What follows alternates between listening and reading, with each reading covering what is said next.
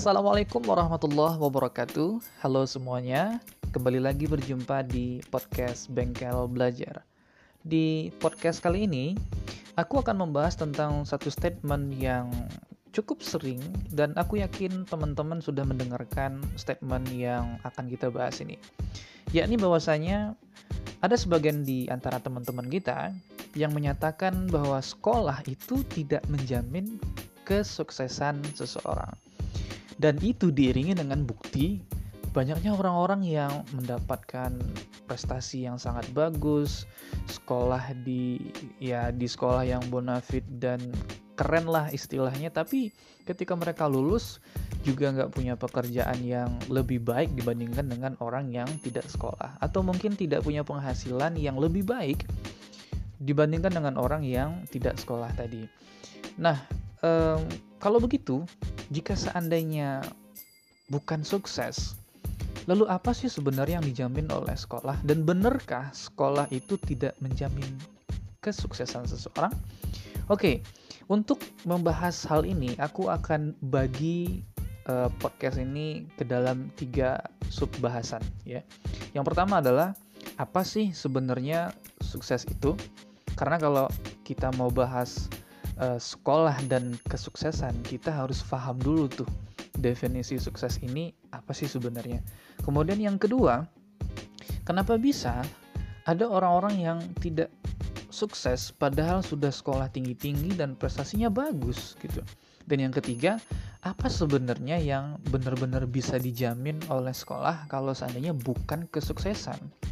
Nah, oke, okay, kita mulai dulu dari bahasan yang pertama, sukses itu apa sih? Gitu.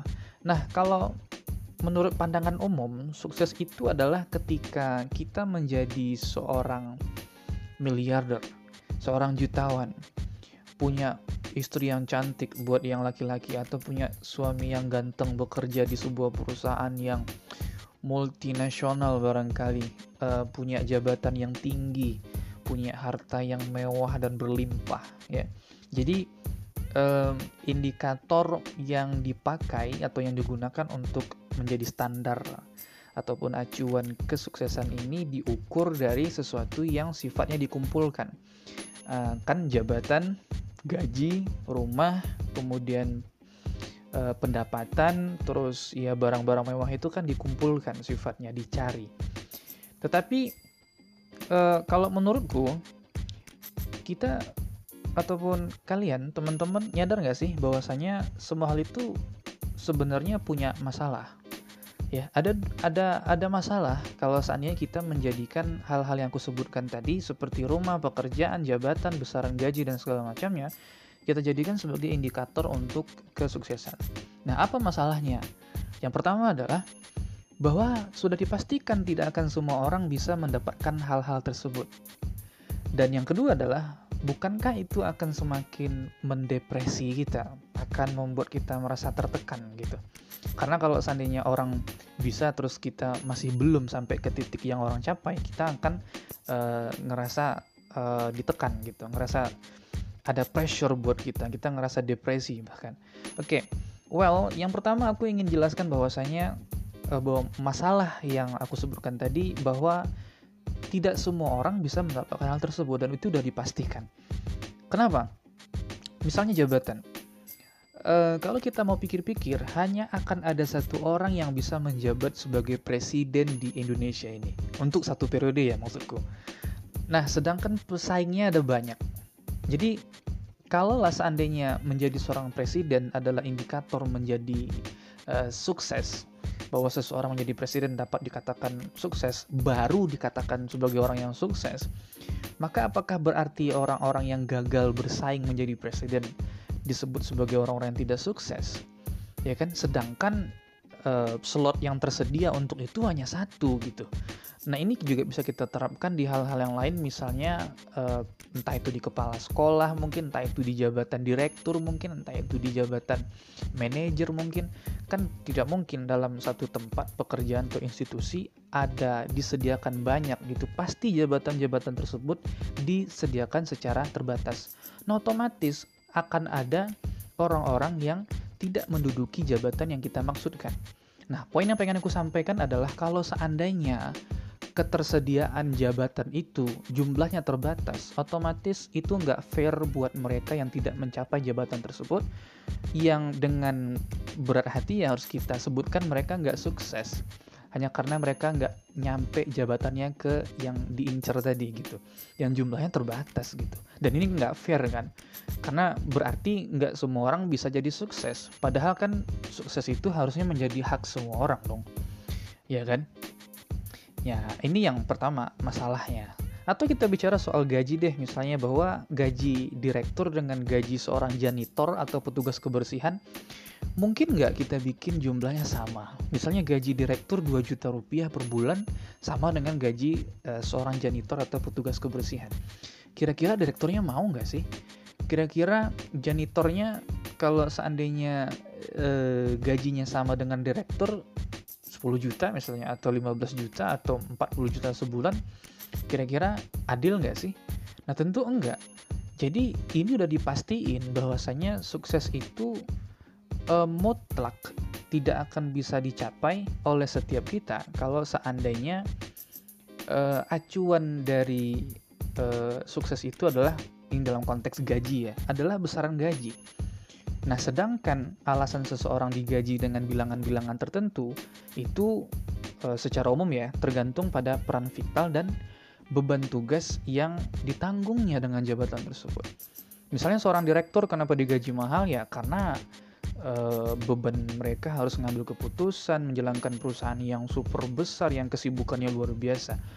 E, maksud aku adalah sangat tidak adil dan sangat merampas hak untuk setiap kita agar menjadi orang yang sukses. Kalau seandainya acuannya adalah gaji, acuannya adalah jabatan atau barang-barang mewah misalnya karena nggak semua orang akan bisa mengumpulkan itu itu udah mutlak jadi ini masalah kenapa kalau kita jadikan sukses itu acuannya adalah uh, mengumpulkan sesuatu ya kan? Mengumpulkan sesuatu. Dan yang kedua kenapa ini nggak fair? Karena ini justru mendepresi kita justru menekan kita.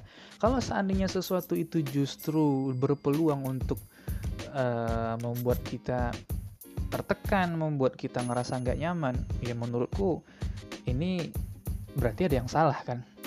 Ya, ketika orang nggak mencapai um, misalnya nggak punya rumah, belum punya rumah di usia 40 misalnya masih masih ngontrak atau masih tinggal dengan mertua misalnya.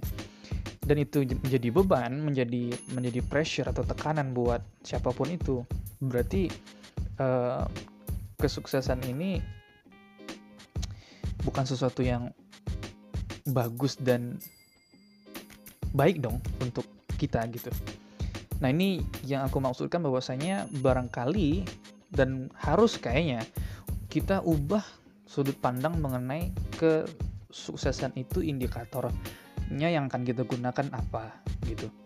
Maka bisa disimpulkan bahwasanya indikator sukses itu eh, Jang, jangan sampai ataupun tidak bisa kita kita kita patok hanya kepada apa yang kita kumpulkan jabatan kah itu harta kah itu besaran gaji dan segala macamnya sebab hal itu sudah dipastikan tidak akan bisa dicapai oleh setiap kita artinya itu merampas hak kita untuk sukses kan sedangkan sukses itu ya harusnya milik kita semua dan itu nggak fair buat siapa pun kalau seandainya itu yang dijadikan sebagai acuan untuk menentukan ini sukses, Yano sukses atau enggak ya.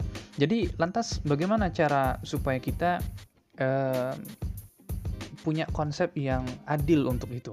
Bahwasanya sukses itu bisa dicapai oleh semua orang dan semua orang memang benar-benar punya peluang terbesar untuk itu. Tinggal mereka mau bergerak apa enggak. Nah menurutku ya ada dua. Yang pertama adalah bagaimana kalau sukses itu kita ukur dari seberapa mandiri kita untuk nggak nyusahin orang lain dan tidak nyakitin orang lain jadi misalnya sesederhana kita nggak perlu lagi minta uang ke orang tua untuk beli pulsa misalnya. Itu udah sukses menurutku. In, berarti semakin besar yang bisa kita uh, lakukan untuk nggak nyusahin orang lain atau nyakitin orang lain, berarti itu uh, sukses, ya kan? Itu uh, fair karena semua orang bisa lakukan.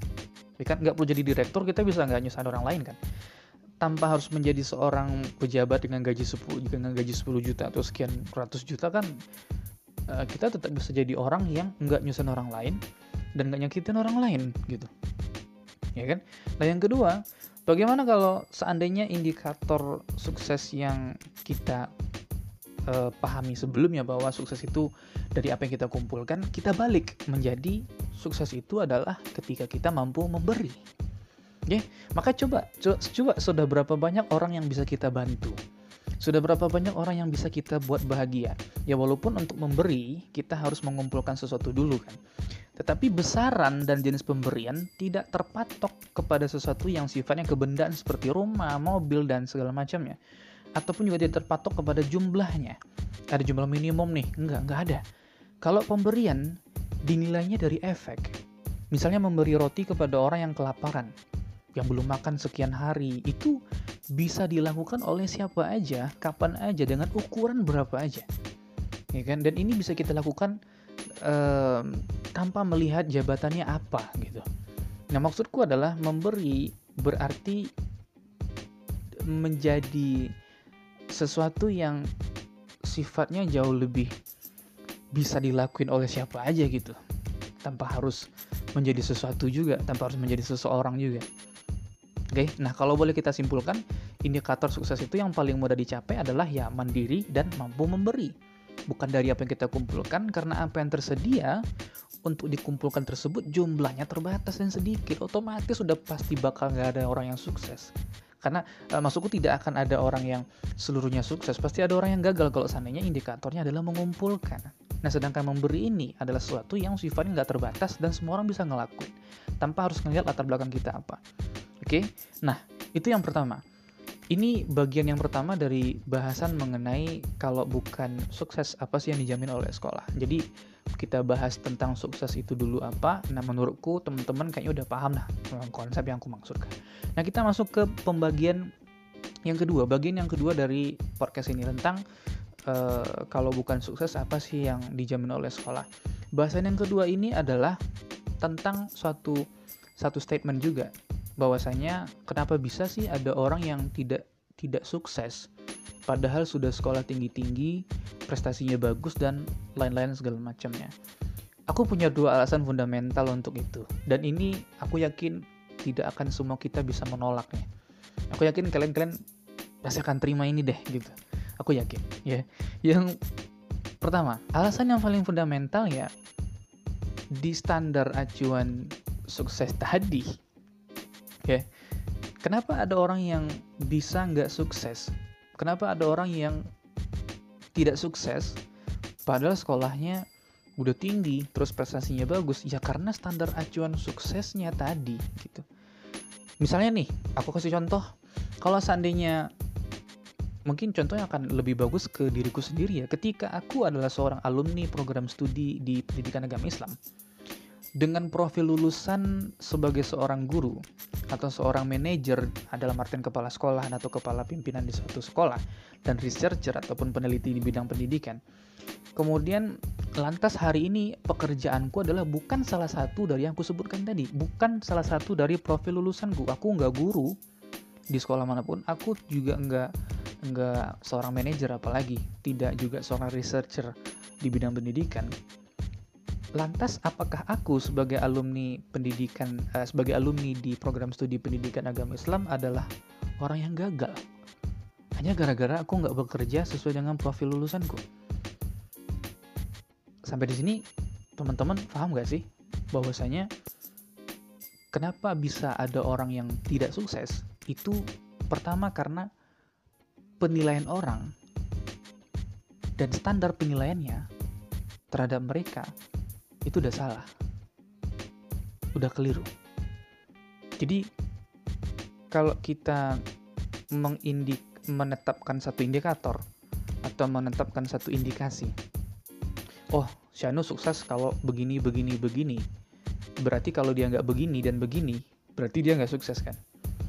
Dalam dalam konteksku adalah sebagai seorang alumni di program studi pendidikan agama Islam, aku dikatakan sukses kalau aku bekerja sebagai guru, researcher, atau seorang manajer misalnya.